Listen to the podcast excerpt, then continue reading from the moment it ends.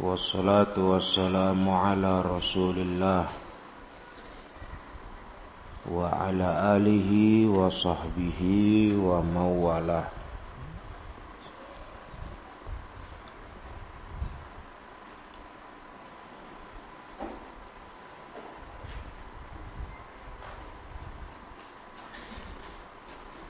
Kita sampai dalam bab 222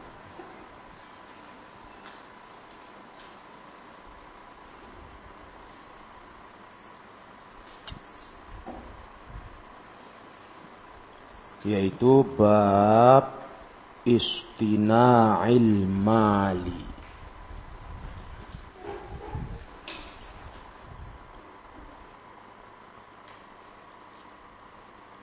bab tentang istina al-mal. Istina itu asal katanya membuat.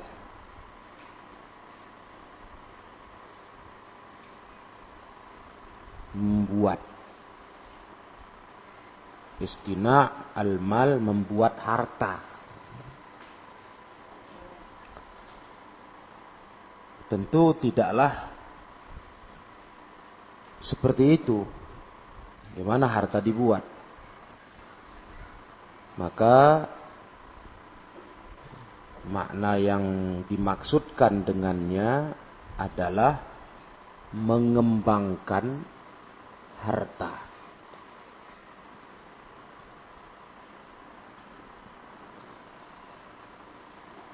Harta itu dikembangkan.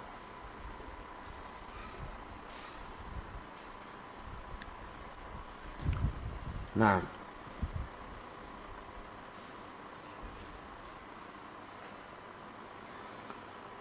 itu bab istina'il mal.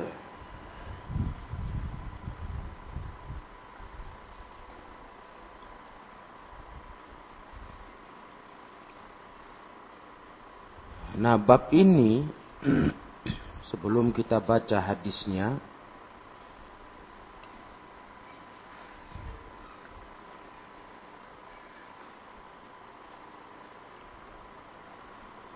Bab ini tentunya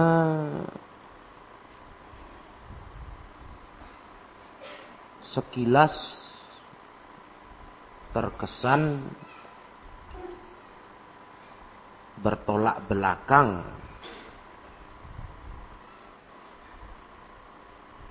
Terkesan bertolak belakang.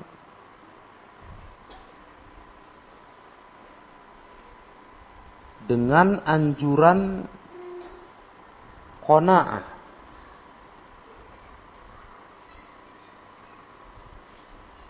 Dengan anjuran sifat kona'ah. Begitu pula sifat zuhud.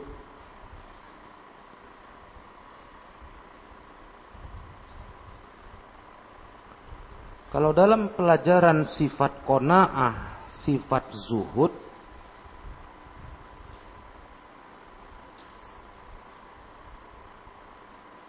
kita diajarkan oleh Rasulullah Sallallahu Alaihi Wasallam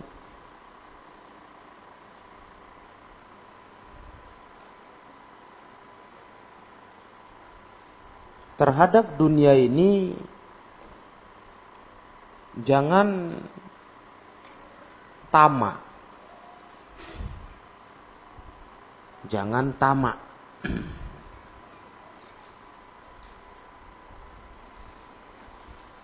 atau dalam istilah bahasa Arab at-taqallul minat dunia.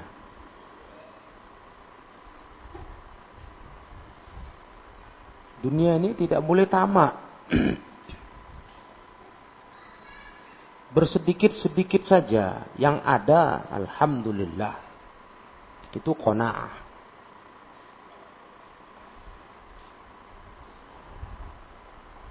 Itu dalam pelajaran yang sudah kita pernah lewati. Karena dunia ini memang semakin kamu kejar, dia semakin jauh lari. Dan tidak ada rasa puas.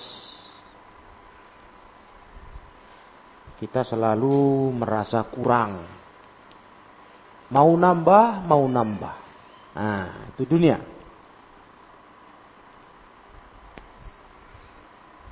Sehingga Nabi Shallallahu Alaihi Wasallam menyuruh kita kalau melihat dunia, undur ila man huwa dunak. Lihat orang di bawahmu yang lebih miskin darimu. Itu akan membuat kamu mensyukuri nikmat Allah tidak meremehkan nikmat. Dan jangan kata Rasul wala tanzur ila man huwa fauqaka. Jangan pernah nengok orang di atasmu. Karena itu nggak akan ada habisnya. Nanti kau lihat orang di atasmu, kau kepingin kayak gitu, rupanya kau sampai kepada keadaan orang itu. Maka kamu akan kembali melihat di atas lagi. Ada lagi. Hmm? Begitu terus. Dan itu akan membuat kamu lalai. Nanti kena surah yang berbunyi Al-Hakumut takathur. Melalaikan kalian bermegah-megahan. Ya begitu hidup kalau dunia ini diikuti. Nggak ada cukup. Dari nggak punya uang terus punya uang. Dari nggak punya simpanan sekarang banyak tabungan. Cukup itu? Enggak. Loh, dulu kan belum ada, sekarang udah ada. Iya. Tapi sekarang kurang. Kurang banyak. Seberapa? Nggak ada cukupnya. Tambah lagi, mau lagi. Nah, itu pelajaran kita dalam masalah al-qanaah wa zuhud wa taqallul minat dunia. Nah, sekarang ada bab berbunyi bab istina'il mal. Bab mengembangkan harta. Bagaimana ini? Ini bagaimana ini? Coba. Dan ini bab sekilas ada kesannya kayak bertentangan dengan bab itu. Zuhud, kona'ah, kita disuruh dalam hidup ini mencukupkan yang ada. Alhamdulillah. Kan begitu. Syukurnya banyak-banyak kalau sama dunia ini. Nah. Ya. Syukurnya yang banyak. Tengok di bawahmu. Lihat orang lebih susah darimu. Sekarang ada bab mengembangkan harta. Nah, ini yang mau kita dudukkan masalahnya. Nanti kita akan baca syarahnya, insya Allah. Sekarang kita baca dulu hadisnya dalam bab ini. Anil Harith wahwa ibnu Laqit qala Al Harith yaitu ibnu Laqit. Beliau berkata, Kana rajulu minna tuntaju farsuhu fayanharuha. Adalah salah seorang laki-laki di antara kami kudanya itu menghasilkan keturunan. Ya ini berkembanglah kudanya itu. Beranak kata kita. Karena nanti diterangkan ulama, ya itu apa apa maksudnya kata ulama? Maksudnya tuntaju fuluan. Menghasilkan anak kuda, berarti kan beranak, berkembang. Fayan haruha. Itu kuda itu yang baru punya yang baru punya anak, anaknya disembelihnya.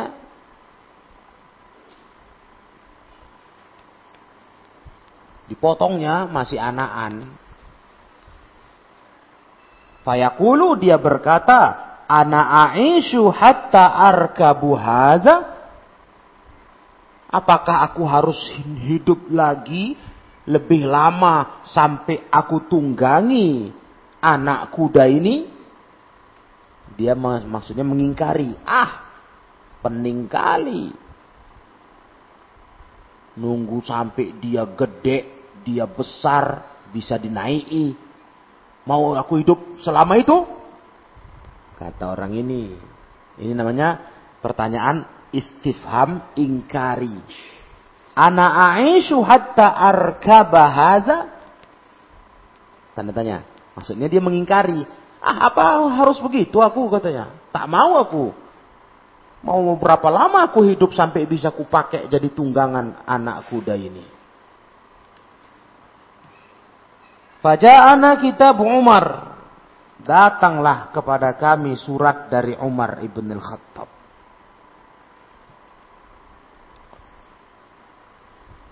Mungkin cerita itu sampai ke Umar. Ada orang baru beranak kudanya baru lahir nggak lama dia potong hmm. isi surat Umar itu an aslihu ma razaqakumullah fa inna fil amri tanaffusan Umar memberikan nasihat di suratnya itu hendaklah kalian aslihu, perbaikilah apa yang Allah berikan rizkinya untuk kalian. Kalau kalian dapat rizki itu perbaiki. Istilahnya kalau kayak anak kuda tadi, ya rawatlah, tunggu besar. Baru kecil lagi dipotong aja. Perbaikilah, rawat kata Umar, rizki yang Allah beri. Fa inna fil amri tanaffusan. Karena dalam urusan itu ada kelapangan. Tanafus artinya kelapangan. Sa'ah, kelapangan. Fushah, itu kelapangan. Itu pesan Umar ibn al-Khattab radhiyallahu taala anhu. Jadi harta kalian yang dikasih Allah itu rawat. Ya. Kembangkan saja anak kuda itu, biarkan dia besar. Nanti kan dia berkembang lagi. Enggak masalah itu, kata Umar. Itu urusannya lapang-lapang saja. Boleh. Fa inna fil amri tanafusan. Nah, nah. Perhatikan hadis ini ya. Ini hadis pertama dalam bab istina'il mal. Di hadis ini sesungguhnya kalau kita pahami dengan pemahaman yang benar. Hadis ini terdapat anjuran untuk beramal demi kebaikan dunia akhirat. Jadi bukan anjurannya kepada tamak harta, bukan. Nah ini orang yang kadang salah ngerti. Orang ada memahami zuhud itu benci harta, malas. Kona'ah itu malas. Enggak berusaha. Bukan itu. Nah. Seorang yang zuhud, seorang yang kona'ah, dia terus beramal, bekerja untuk kebaikan dunia akhirat. Cuma dia bukan orang yang tamak harta. Buktinya dia nggak tamak harta. Ketika hasil usahanya itu bagus, alhamdulillah. Ketika hasil usaha tidak bagus, bangkrut misalnya. Kayak tadi, kuda tadi kan beranak nih. Dikembangkan, dibesarkan. Diharapkan dia bisa beranak lagi. Anaknya jadi induk lagi. Eh, tahu-tahu mati. Nah, orang yang nggak tamak harta, dadanya lapang. Eh, ya sudah. Eh, itu dia. Iya. Ya sudah. Yang penting aku sudah berbuat apa yang dituntunkan syariat ku kembangkan ternak ini sesuai dengan jalan yang benar. Dirawatlah binatang itu. Tahu-tahu mati. Enggak sesuai harapan untuk besarlah anaknya, nanti jadi induk. Kan gitu kan orang ternak kan? Saya enggak?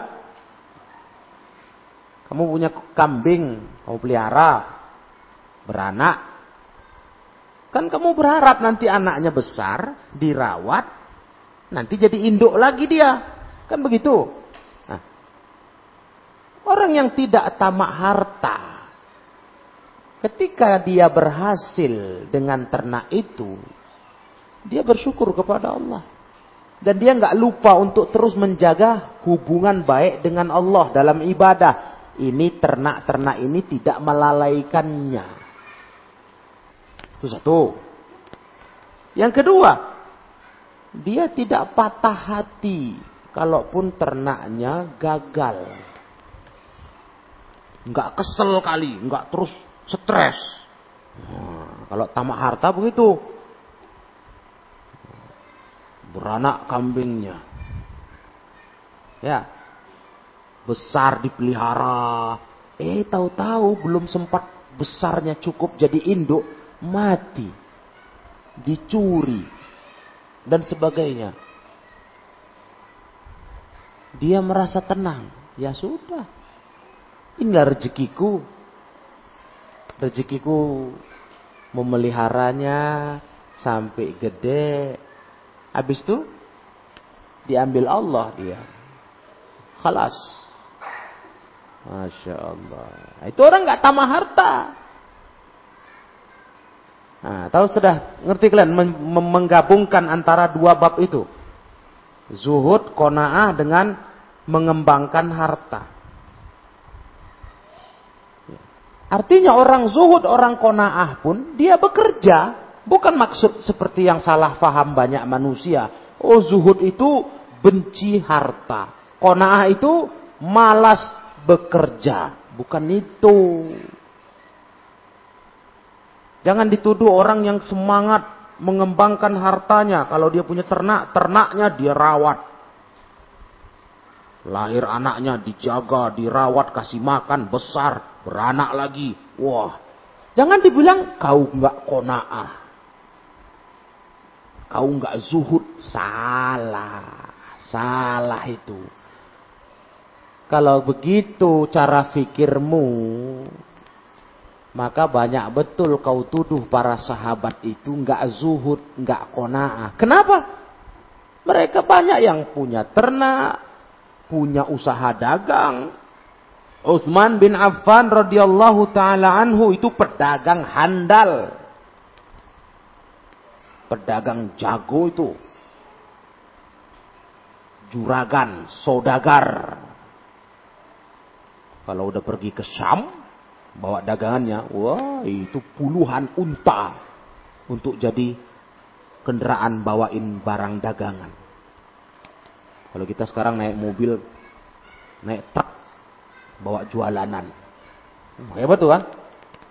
Hmm, kalau dulu unta, di punggung unta itu ditaruh bahan-bahan dagangan. Itu udah pemain besar itu. Utsman bin Affan saudagar kaya. Nah, bukan main kecil-kecilan. Betul-betul pedagang top. Kelas berat itu. Nah, iya. Kalau ibarat sekarang orang jual kerupuk naik kereta. Dia naik truk. 10 truk. Bayangkan itu. Hebat-hebatan itu. Utsman bin Affan. Apakah terus kita bilang Utsman bin Affan nggak nggak tahu zuhud, nggak konaah, tamak harta? Tidak. Ini yang perlu kalian pahami dengan bab ini. Maka istina'ul mal itu adalah ajaran Islam. Artinya kita disuruh untuk berusaha. Ya. Namun dengan catatan jangan tamak harta. Jangan tertipu gara-gara bisnis, sibuk ternak, sibuk kebun, sibuk dagang. Ibadah tinggal, ibadah lewat. Nah, ini yang salah. Itu salah itu. Itulah orang tamak harta. Ngerti semua? Bab ini? Nah, jadi kita disuruh berusaha, bukan jadi pemalas. Aku kona'ah aja lah, begini aja lah yang dikasih Allah cukup. Itu pemalas, bukan kona'ah. Iya kan? Kalau kona'ah tuh begini, kau kerja, berusaha, itu tanggung jawab hidup. Nah, terus berapa dapatnya, kau merasa cukup. Alhamdulillah. Seginilah rezekiku. Alhamdulillah. Cukup nggak merasa jengkel. Kok segini ya? Kok nggak banyak? Kok nggak seperti harapan? Nah, itu baru baru namanya kalau marah kau nggak terima itu nggak konaah. Tapi kalau terima, alhamdulillah. Ya Allah, inilah rezekiku. Nah, dapat ini aku alhamdulillah. Setahun aku jualan, alhamdulillah aku bisa bisa punya uang, nabung sejuta misalnya. Padahal kawan lain setahun dagang udah punya uang lima juta. Ya nggak apa-apa sama dia, dia cukupkan itu. Alhamdulillah. Gitu, itu kona'ah. Ya, bukan kona'ah tuh nerima jadi nggak tahu buat perubahan, nggak gitulah. Koyak bajunya korek. Nggak dibetul-betulin. Konaah katanya. Kan menerima apa adanya. Koyak baju. Itu gak untung, untung baju. Untung gak, kalau celana macam mana? Hah? Konaah kau? Macam mana mau pakai sholat celana koyak? Aurat terbuka, ya kan?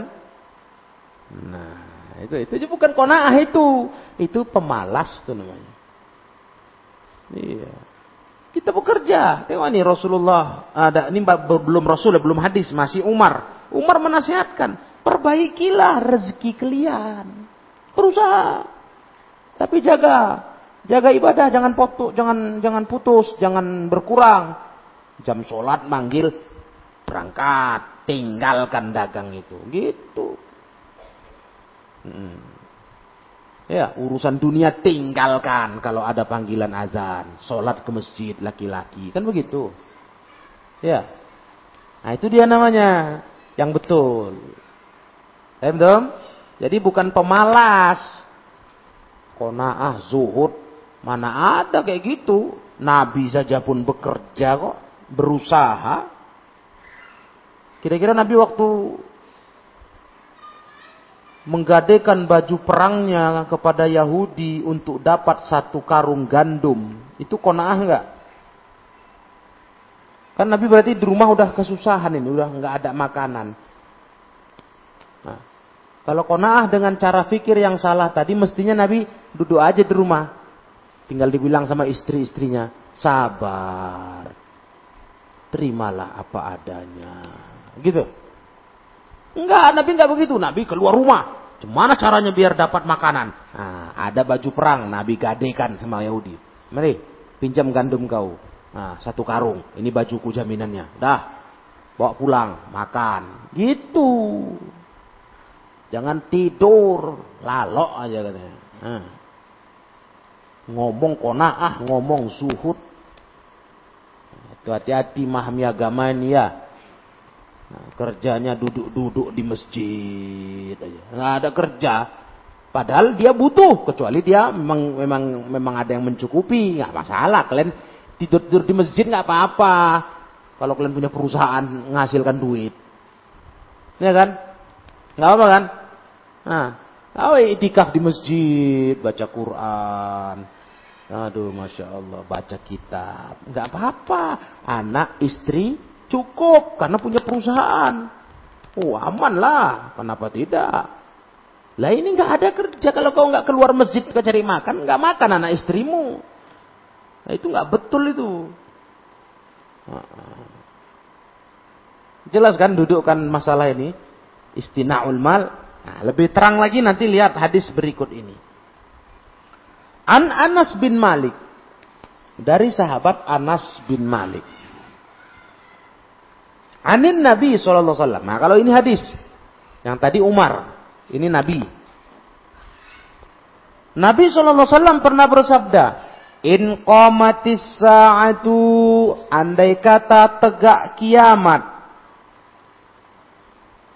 fi wa ahadikum fasilatun dan di tangan salah seorang kalian ada fasilah. Fasilah itu bibit pohon kurma. Bibit pohon kurma. Itu fasilah.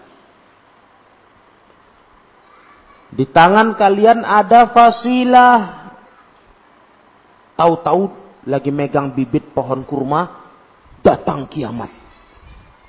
Nah, ini ini sebenarnya apa namanya berupa permisalan bukan bisa terjadi begitu ya nggak bisa lah nggak bisa pula waktu kiamat datang kita megang bibit Terus kata Nabi, fa inistata'a takuma hatta yaghrisaha falyaghrisha. Kalau dia mampu sebelum tegak kiamat itu, yakni belum meletus betul, tanam pohon itu, tanamlah kata Rasul. Itu sebenarnya bahasa untuk menunjukkan keseriusan saja. Istilahnya lah begitu. Nah. Ya kan? Kalau nyatanya ya nggak bisa lah. Gimana mau nanam? Kalau udah datang tanda kiamat besar. Menanam apa? Gunung aja udah bertabur. Bumi itu terbalik-balik, pecah, langit runtuh, ya nggak bisa nanam. Cuma begitulah bahasa Nabi menunjukkan hidup ini begitu. Serius lah. Andai kata kiamat datang, sebelum betul-betul meledak kiamat itu, kau masih sempat nanam pohon kurma, tanam dulu.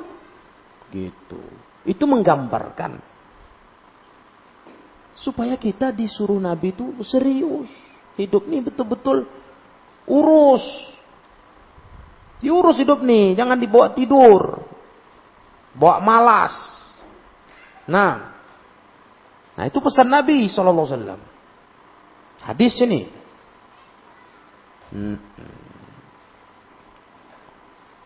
Maka dalam hadis ini kalau istilahnya ini apa? Mubalaghah. Mubalaghah untuk menganjurkan kita menanam pohon. Maksudnya kita dianjurkan dengan sungguh-sungguh mubalaghah. Ingat mubalaghah itu bahasa untuk menunjukkan sungguh-sungguh Sungguh-sungguh kita dalam hal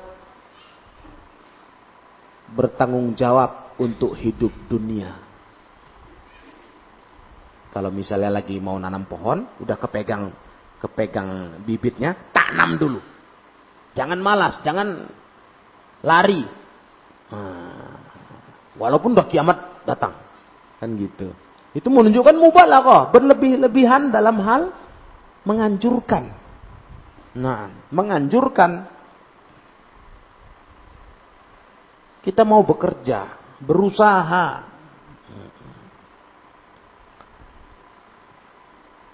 Makanya untuk kita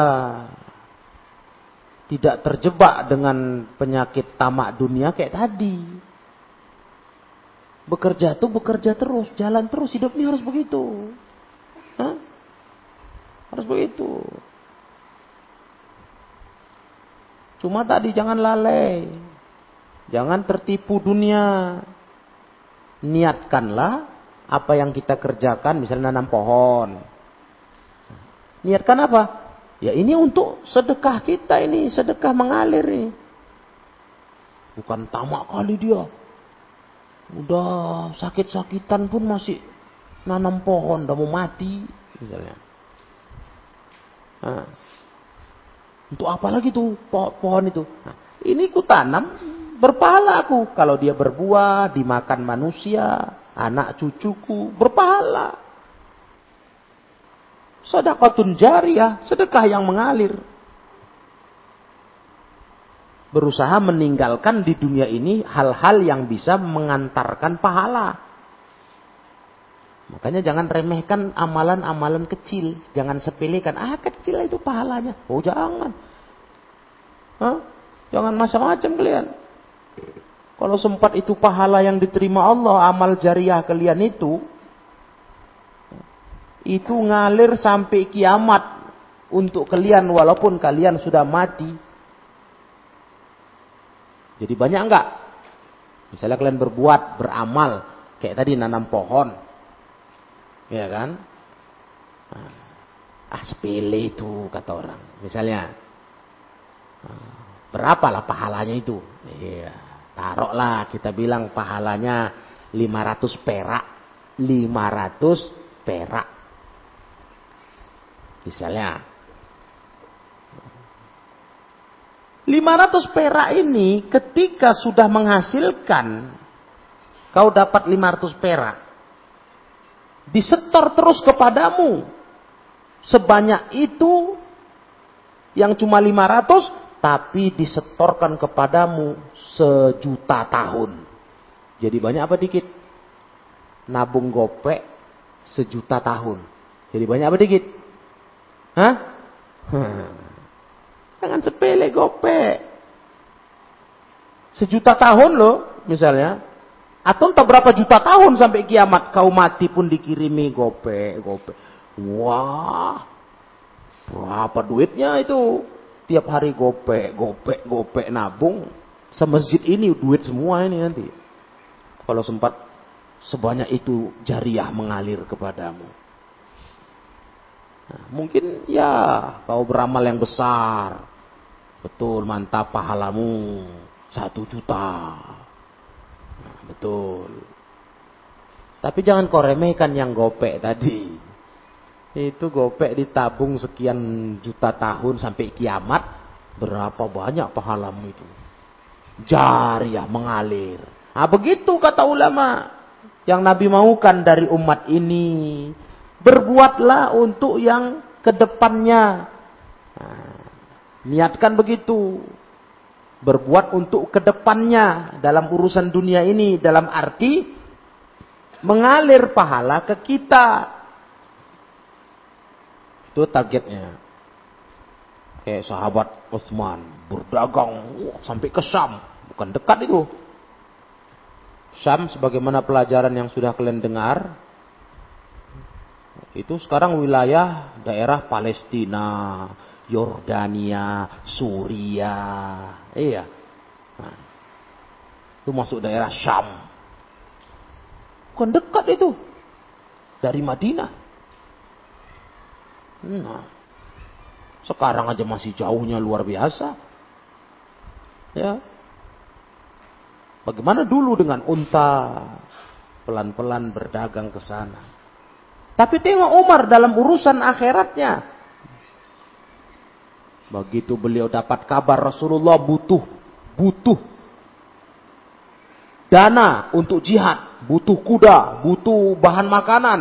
Wow, dengar sama Utsman pulang beliau dari dagang koko Madinah sampai kata sahabat itu dari jauh udah tahu ke kami Utsman pulang nampak berdebu-debu naik pasir itu kenapa dari mana itu dari banyaknya unta-unta yang datang membawa bahan dagangan kaki unta itu karena rame debunya naik besar jadi dari, dari jauh Wow, Utsman pulang itu. Kalau yang datang bukan Utsman orang tahu kenapa? Debunya dikit. Karena tunggangannya kecil sedikit. Nah, kalau Utsman banyak, jadi nampak naik berdebu. Itu dalam satu riwayat.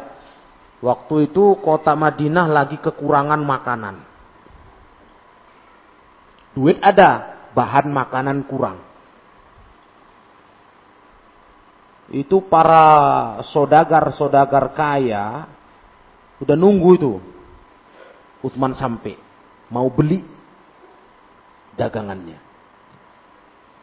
Begitu Utsman sampai, mereka tanya, ya Utsman, kuborong berapa? Berapa ini eh, bahan-bahan makanan yang kau bawa ini? Berapa kau berani? Kata Wani piro. Nah, ya kan? Kalau orang Medan kan gitu, wani piro. Oh sekian katanya. Ah, nggak laku itu.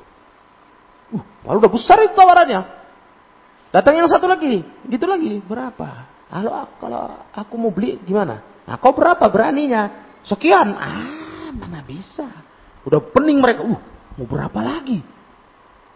Mahal-mahal udah tawarannya. Datang lagi yang lain. Nah, aku, aku juga. Nah, aku mau berapa kau berani? Sekian. Wah, enggak juga. Jadi, ya Osman, kau maunya berapa kata mereka? Oh, aku maunya mahal kali lah. Siapa yang mau beli? Kata mereka. Ada. Nah, sanggup lah kalau kalian gitu. Siapa kata mereka? Ini kami yang juragan-juragan kaya udah habis sudah nawar semua. Nah, yang beli Allah. Ini semua ini tunggangan ini makanan yang ada di unta ini ku sedekahkan kepada Rasulullah untuk masyarakat. Masya Allah. Allah yang bayar. Mahal. Kalian murah-murah kalian ini. Nah, tuh Utsman. Kalau pakai itu mantap lah cari duit. Ya kan? Mantap lah. Itu baru namanya tidak tamak dunia.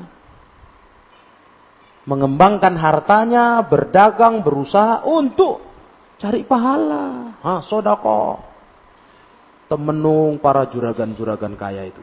Oh Allah, Masya Allah. Dibagi gratis rupanya. Allah yang bayar. Dengan pahala yang mahal. Hendong. Ini yang sekarang gak ada. Payah cari orangnya ya. Banyak orang kita kerja serius sekali, puntang panting. Uh, semangat kali tapi bukan untuk agama, bukan untuk pahala. Ah, bukan. Untuk bermegah-megah aja. Ya, untuk bermegah-megah fasilitas dunia melalaikan dia bermegah-megah al-hakumut takasur hatta zurtumul makabir. Tahu-tahu sudah datang masuk kuburan. Itu yang banyak sekarang. Yang kayak Utsman bin Affan ini nggak nampak. Kayak sahabat-sahabat lain. Mereka cari makan, mengembangkan harta, berusaha. Ini dia usahanya. Ya. Tapi ini mereka tujukan untuk apa? Untuk mengalir pahala sampai akhirat. Itu dia. Jadi kita pun begitu diajar agama. Berusaha itu terus. Kerja kalian. Ada modal dikit, kembangkan. Lebarkan usaha. Nggak masalah. Ada ternak beranak lagi, rawat biar makin banyak. Jualan ada modal, kembangkan lagi, besarkan usaha. Boleh, tapi jangan lupa. Manfaatkan itu untuk amal jariahmu. Untuk amal jariahmu. Walaupun untuk yang amal yang sedikit. Kecil-kecilan lah misalnya. Kecil-kecilan. Ya kan? Nggak banyak lah. Nah, berapalah paling yang bisa kita berikan? Karena kita pun bukan orang yang pengusaha kaya raya. Tapi ingat, yang kecil itu mengalir pahalanya kepadamu sampai kiamat. Nabung gopek-gopek satu juta tahun. Berapa duitnya? Ngiranya pun nggak pandai kalian. Hmm. Sehari gopek, ya kan? Satu juta tahun. Macam mana pula kalau sampai entah kapan kiamatnya nggak tahu kita. Terus pahala ngalir, ngalir, walaupun sikit-sikit. Wah, bisa nggak terhitung itu pahalamu. Jangan remehkan amalan soleh yang kecil. Mungkin kecil rasanya. Berapalah sedekahku ini? Hah? Tapi itu tadi pahalanya mengalir terus. Ya, bukan berarti terus maksudnya diajarkan di sini ya bersedekah dikit-dikit aja lah, yang penting ngalir pahala. Enggak lah. Bersedekah itu kalau bisa enggak ada uang kecil, uang besar pun jadi. Gitu. Bahasnya begitu. Jangan enggak ada uang besar, uang kecil pun jadi. Maunya gitu, enggak ada uang kecil, uang besar pun jadi. Ngerti? Nah, nggak ada sedikit bersedekah, banyak saja. Kenapa rupanya? Orang bisa banyak kok. Nah, itu mestinya bukan maksudnya terus kita dibilang wah yang penting kan walaupun sedikit tapi ngalir terus ya. Kalau bisa banyak kenapa mesti dikit? Em Kenapa sedikit?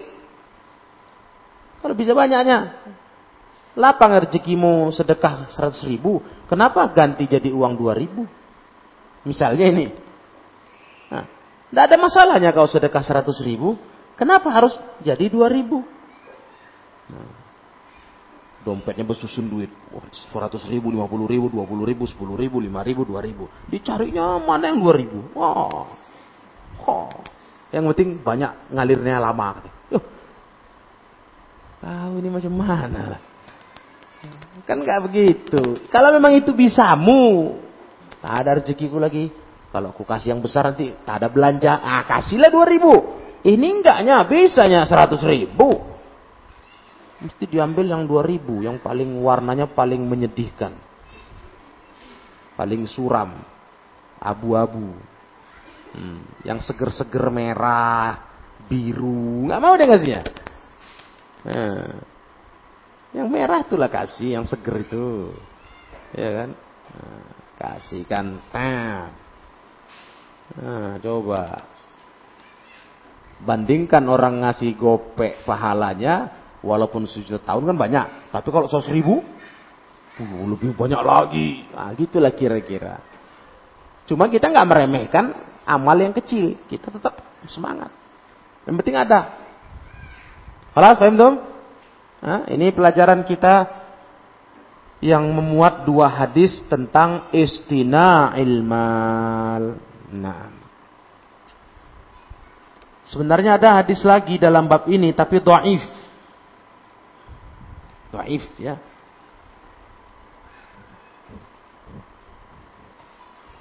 Kalau di kitab asli Al-Adabul Mufrad dimuat itu hadisnya, tapi dhaif. Kalau di sini kan tentang kiamat. Kalau datang kiamat, kalian masih megang bibit kurma, pohon kurma, tanam. Jangan jangan tunda. Ada hadis lain mengatakan kalau datang dajjal, nah itu yang doif. Dajjal. Ya. Wallahu a'lam.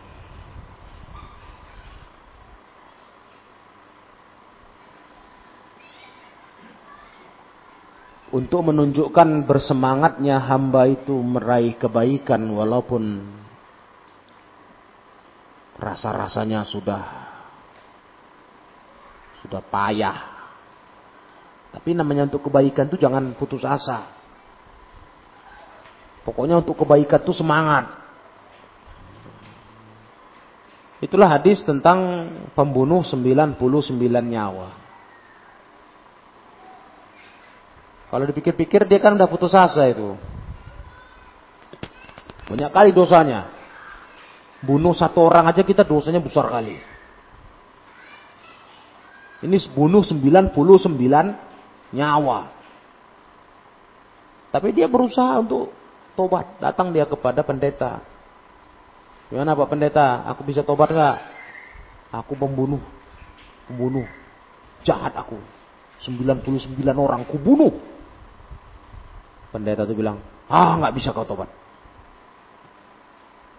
Palak dia dibunuh oleh pendeta itu. pas 100 orang. Pergi lagi dia lagi datang lagi cari lagi kepada orang alim. Ada nggak jalan tobat aku? Aku penjahat besar ini. Banyak dosaku. Ada. Nah, sudah sekarang kau pergi, buktikan kau mau tobat, kau tinggalkan daerah ini, daerah tempat kau buat dosa ini, kau pergi ke sana. Pergi ke sana, tinggalkan ini. Itu bukti kau tobat. Berangkatlah dia ke sana. Eh di tengah jalan mati. Nah, mati. Begitu mati malaikat rahmat, malaikat azab berebut. So, yang satu bilang, ini jatah kami. Orang jahat ini. Pembunuh. Seratus orang dibunuhnya. Malaikat yang satu bilang, oh nggak bisa. Jatah kami ini. Ini dia tobat. Akhirnya datang malaikat menengahi. Kata malaikat, coba ukur. Ke tempat mana dia paling dekat? Ke tempat yang lama, tempat dia buat kejahatan, atau ke tempat yang baru yang sedang dia tuju untuk tobat? Diukur. Oh, rupanya dekat ke tempat yang baru. Akhirnya dia dibawa oleh malaikat rahmat. Nah, hadis itu dijadikan dalil oleh ulama untuk menunjukkan keseriusan kita di hidup ini. Jangan putus asa, ah matilah sudah aku ini udah memang kayak gini aku ini. Bedogol ini udah. Eh kalian, neraka tuh nggak enak. Nah, kalau kau dalam kondisi di jalan dosa, tobat, jangan ah udahlah matilah situ. Itu nggak enak neraka itu. Udah pernah kita belajar. Nah, mungkin kalau penjahat berpikir begitu, nah, kayak anak-anak yang sudah hidupnya nauzubillah lah sudah ya, nggak tahu lah kita. Hmm. Entah bahasa apa kita pakai. Kadang sedih lihatnya itu, tahu kan? Anak-anak fang itu. Ah, kok bisa lah hidup kayak gitu. Nah, mungkin dia udah putus asa kalau model mereka. Ah sudahlah, aku memang udah rusak, aku udah dianggap sampah di masyarakat. Udahlah, Bantilah itu. Gak peduli lagi. Nah, gak boleh begitu hidup ini. Berusaha terus. Ya, berusaha buat perubahan, buat perbaikan. Tobat kalau berdosa. Benahi dirimu. Paham Tengok ini orang pembunuh seratus nyawa. Masya Allah. Akhirnya dia selamat dari neraka karena dia tobat. Dan ternyata tempat tobat yang dia tuju lebih dekat daripada tempat dia buat dosa. Coba kalau dia tadi nggak berusaha jalan ke sana. Ah udahlah aku sini aja lah aku. Malas aku lagi. Habislah dia. Mati dibawa sama malaikat azab. Seperti kan? Nah, itu hidup. Jadi inti pelajaran kita di sore hari ini, hidup tuh berbuatlah yang positif. Untuk yang positif tuh berbuat saja. Jalan terus untuk yang baik-baik. Kalau kita buat salah, tobat. Gitu hidup. Nah, jangan putus asa, jangan malas, jangan dibawa tidur aja. Berusahalah bekerja, berbuat untuk hal-hal yang baik. Ya, ilahuna. Jadi selesailah sudah pelajaran semester kedua ini sampai bab 202.